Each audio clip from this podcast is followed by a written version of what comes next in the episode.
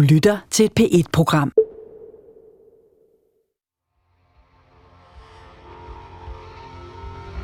Hvis man er rigtig, rigtig god til at,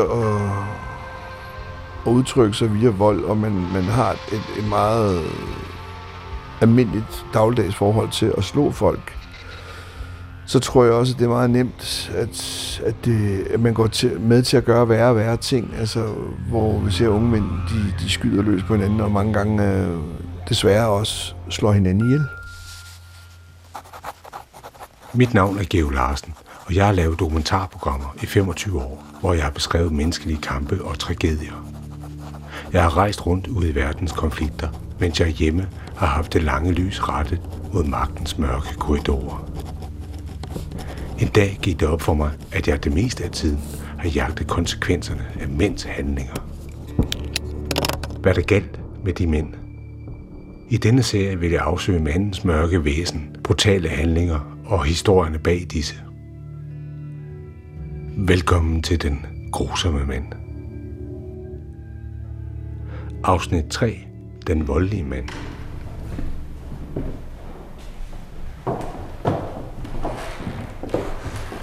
Jeg går rundt sammen med læge og psykiater Christian Legin på Medicinsk Museum i Bredgade i København. Et lille videnskabeligt museum, hvor man blandt andet kan betragte kropsdele i glas og formalin. Her har man en del anatomiske præparater, blandt andet de her lamestele, der illustrerer følger af vold. Ja, så har vi det øverste del af et hoved, som er skåret over i sådan en vandret plan, hvor man kan se hjernen og hjerneskallen og hud og hår. Blødning i begge sider af hjernen, som følger af stump vold. Alt overvejende er det jo mænd, der begår voldelige handlinger, både mod hinanden og mod kvinder. Mænd fylder alle statistikker, når det gælder vold. Det er mænd, der haver i trafikken på fodboldstadion i nattelivet i hjemmene. Det er mænd, der fylder fængslerne. Det er mænd, der overfalder og voldtager. Det er mænd, som befolker banderne.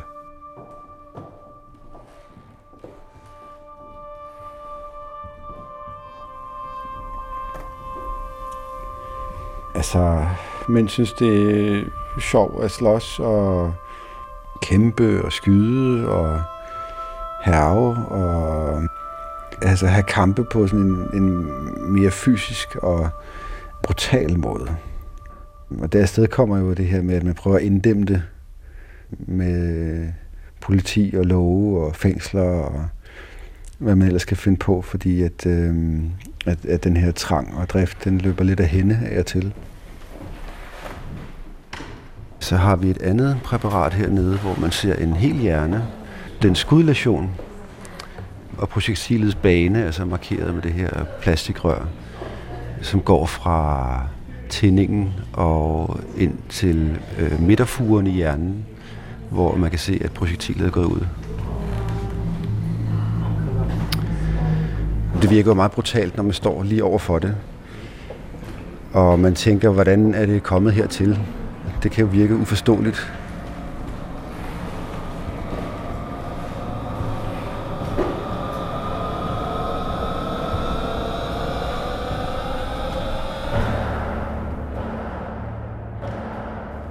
I mit eget liv har jeg 7-9-13 været forskånet for alvorlig vold på min egen krop. Jeg har været vidne til fuldemandskampe i nattelivet, stå hej mellem fodboldfans i gaderne og mærket, hvordan luften pludselig fyldes af en mørk, ond elektricitet. Og igennem mit job som dokumentarist har jeg mødt ødelagte kvinder og offer for kronisk vold. Men vold har været på afstand. Men til gengæld, jeg har set utallige voldsfilm med gru og glæde. Og lad os starte i fiktionsverden, for det er en stadig undren, hvorfor især os mænd er så fascineret af vold på film. I Aarhus møder jeg idehistoriker og professor Mikkel Thorup. En af de måder, man præsenterer grusomhed i film på, er jo ved fokuset på en person. Det vil sige, at en person kan blive bærer af voldelighed, kan blive sådan en inkarnation, læmeliggørelsen, symbolisering af, øhm, af voldelighed. Så vi, vi flytter, om man sige, vold fra at være en handling mellem mennesker, så rækker vi det ind til en essens ved et menneske. Det her menneske er sadisten, psykopaten, øh, torturbødlen, hvad nu kan vi, så du ved, vi forsøger at associere en person, vi forsøger at inkarnere personen som ikke et menneske, men som hvad skal sige, en, et læmeliggjort voldsapparat.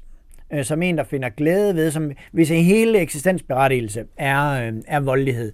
Det er rigtig, rigtig meget der, hvor vi har øh, hele psykopat-genren, Hannibal Lecter-genren, øh, vi har øh, øh, den sadisten, vi har øh, øh, den grusomme soldat, vi har øh, torturbøden, vi har sådan en, og vi har en masse Hitler- og Stalin-portrætter, og den, altså, som, som bliver, om at sige, forsøgt associeret fuldstændig tæt med vold. Vold er alt, hvad der er at vide om den person.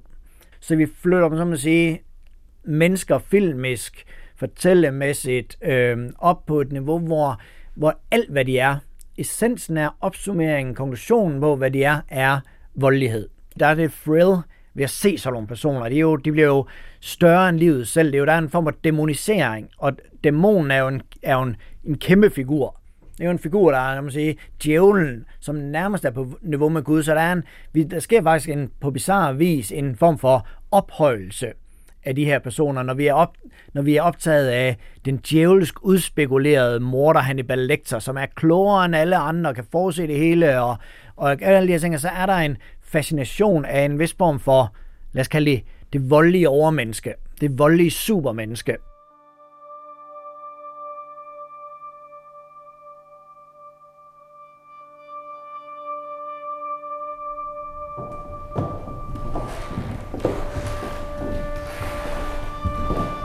Psykiater Christian Legen. Film som uh, Dirty Harry, Rambo og Fast and Furious og alle de traditionelle actionfilm, uh, som vi kender så godt fra Hollywood. Altså det, det traditionelle ligesom portrætterede øh, mandeideal er jo den der stærke mand, der er handlekraftig og, og kan fange skurkene og tilindegøre dem hvor at, at, at det øh, nærmest er en styrke ikke at have for meget medfølelse og øh, være handlingslammet af forskellige moralske kvababelser, men at komme til sagen og fange dem og gøre det af med dem og uskadeliggøre dem.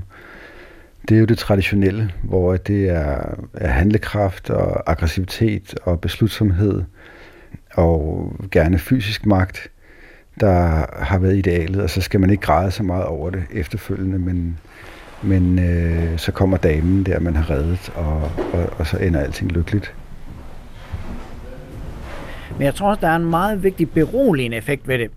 Nemlig, at vi får placeret volden.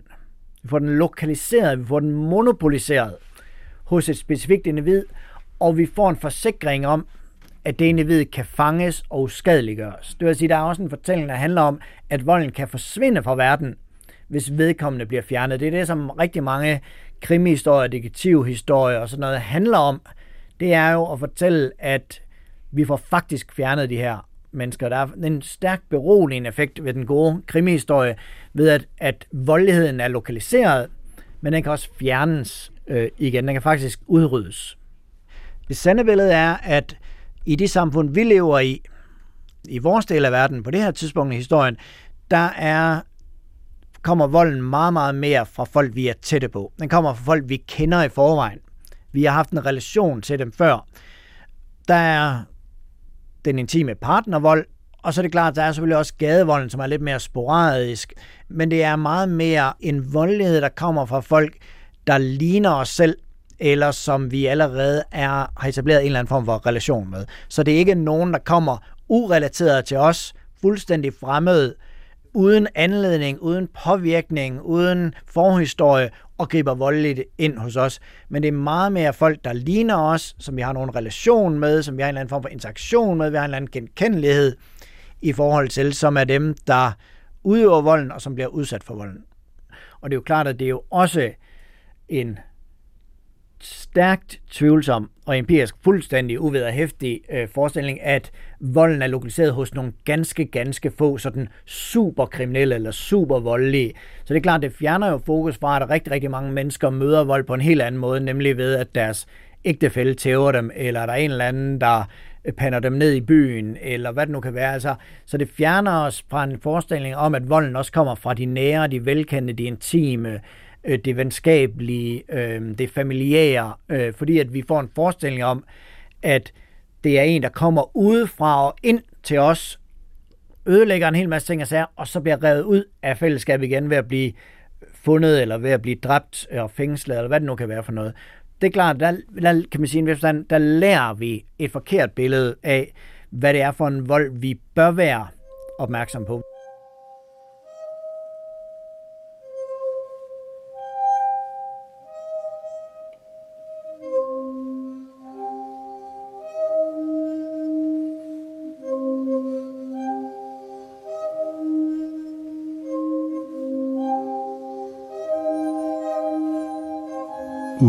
Virkeligheden, der bruser vold i mange mænds blod. Og jeg opsøger en bekendt, som er vokset op side om side med banderne i København. Han har haft vold tæt på igennem mange år. Han hedder Ignacio Hovaniak. Jeg, jeg er vokset op på Nørrebro. Det er Indre Nørrebro omkring Blågårdsplads. Han har ikke været en del af banderne selv, men har været omkring de mennesker, som vi mest af alt kender fra mediernes forsider. Lad os kalde ham et vidne. Det miljø, jeg voksede op i derinde, med bandegruppering og alle de mennesker.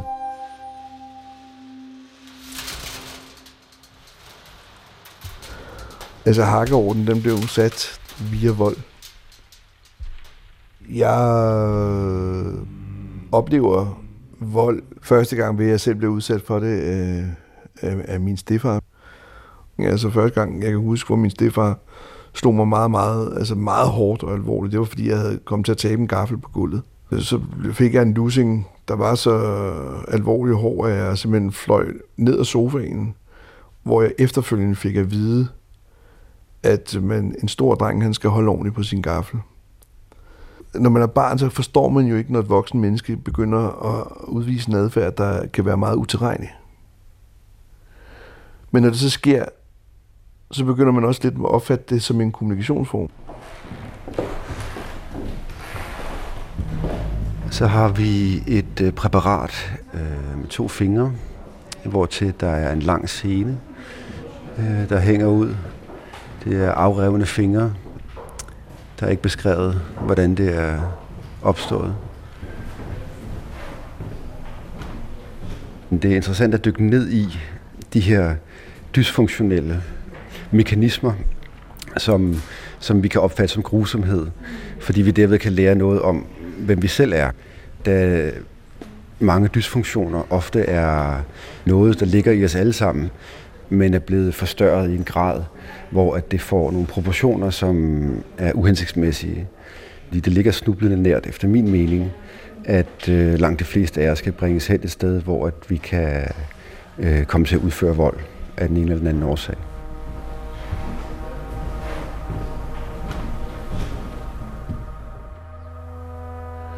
Da jeg kommer ind i teenageårene, der, der vold, det er sådan stille og roligt været noget, der er fadet ind i mit liv som noget, en, en, en helt normal del. Ikke jeg selv øh, var voldelig eller ekstrem voldelig, men, men jeg var bare omkring mennesker, hvor vold, det var noget, der var meget normalt at slåskampe. Det var, det var noget, der hørte hverdagen til.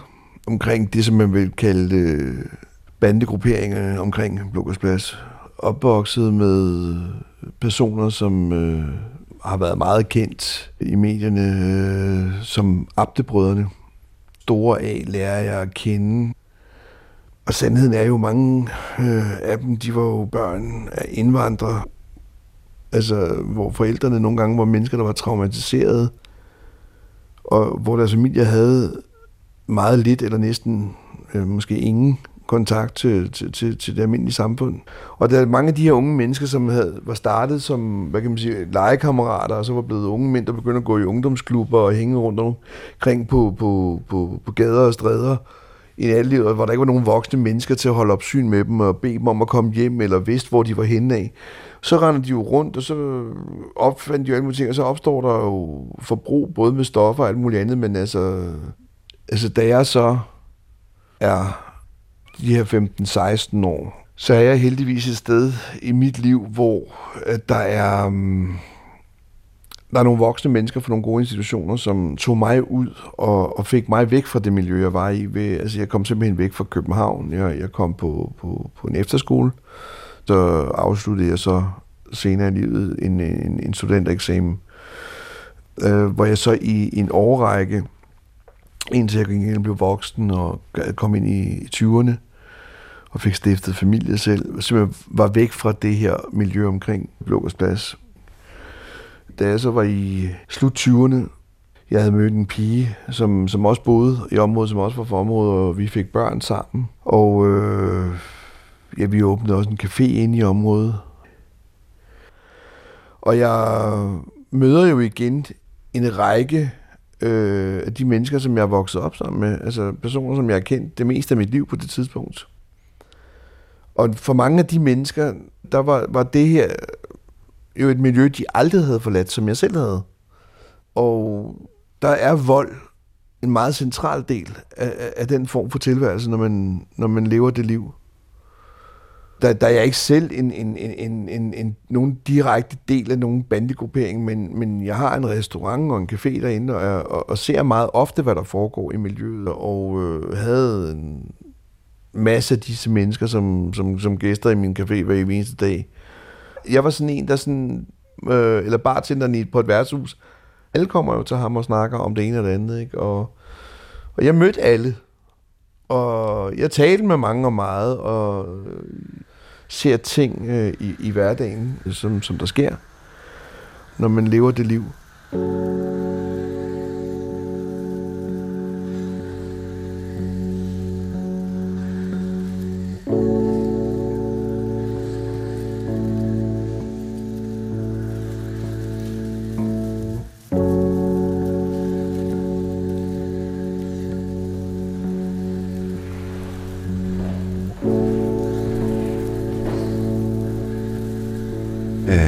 Så er der et præparat, som er en hals. Det er beskrevet som hals med stiksår, sår efter knivstik, morderisk overfald.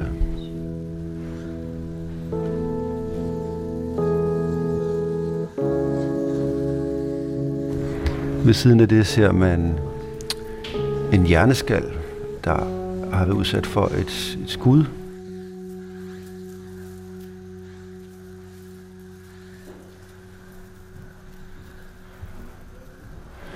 Hvis man tænker på den biokemi, der ligger bag aggressiviteten, så har manden jo det seriende at have et højere niveau af testosteron. Og sådan en cocktail af godt med testosteron og adrenalin er noget af det, der kan skyde gang i, øh, i aggressivitet og handlekraft. Og det er jo noget af det, som manden også har kunne profilere sig på evolutionsmæssigt og haft den styrke og evne til at øh, kunne jage og forsvare flokken og øh, dominere. Øhm, men det er jo også noget, der kan være farligt, når man snakker om den korporlige vold. Hvor der skal være noget handlekraft, noget aggressivitet og ofte noget vrede, som vrede jo ofte er et udtryk for, for afmagt i virkeligheden. Og der kan man jo igen få magten ved at, at bruge sin aggressivitet og dominere det, der er omkring en. Og sådan en situation kan jo ende øh, med, at vi står med nogle præparater, som dem vi har kigget på herover med skudlæsioner og slaglæsioner.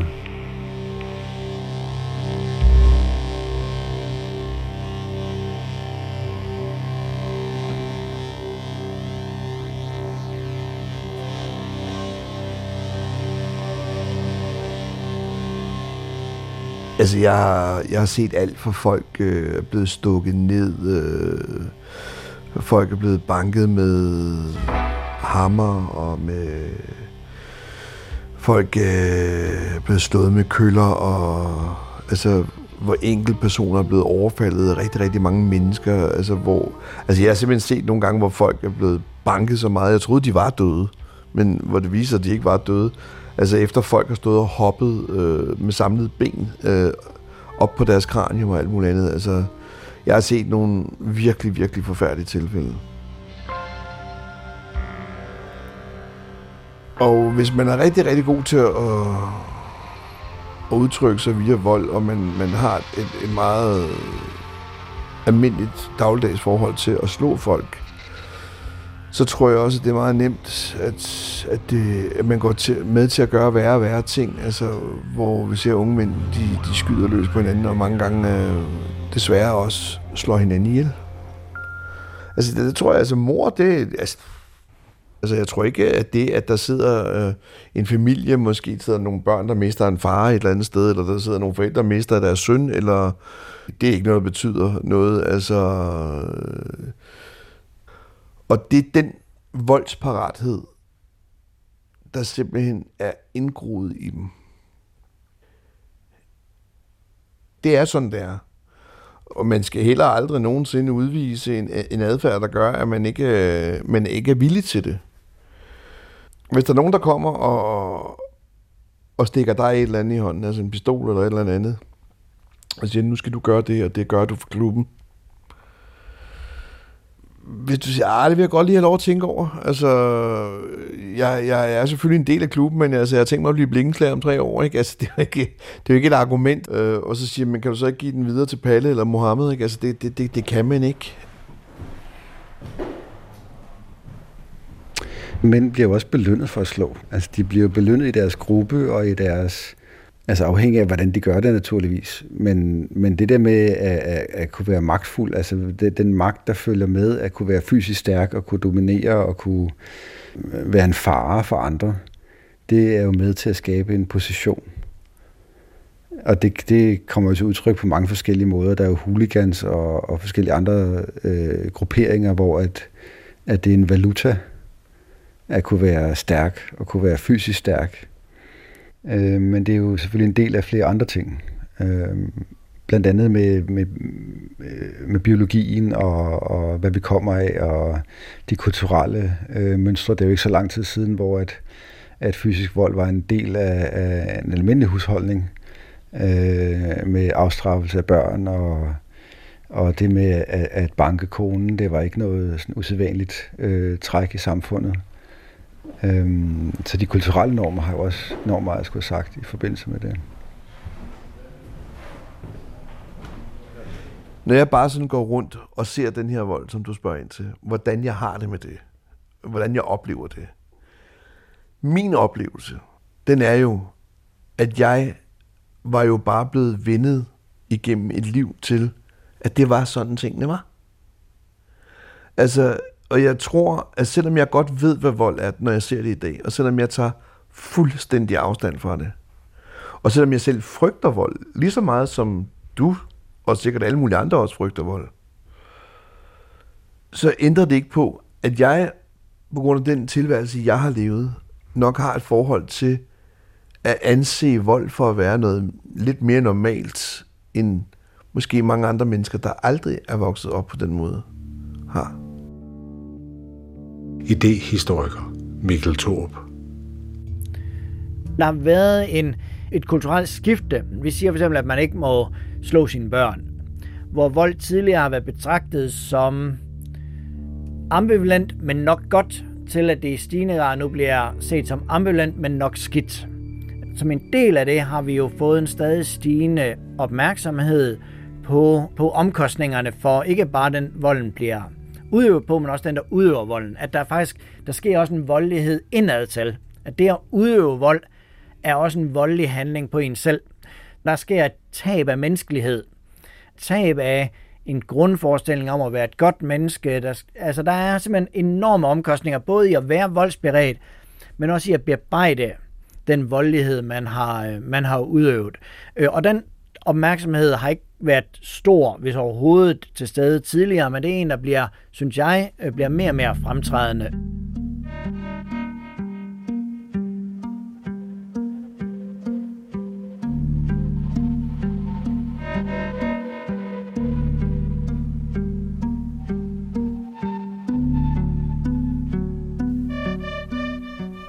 Når folk de slår, så er det fordi, at de ikke har andre til rådighed stående midler at kommunikere med. Jeg forsvarer aldrig vold. Vold er i min verden aldrig acceptabelt. Det er aldrig i orden. Men jeg har faktisk engang hørt en politimand sige, i forhold til drabs efterforskninger, at man starter med at lede efter et monster, men man ender med at fange et knust menneske.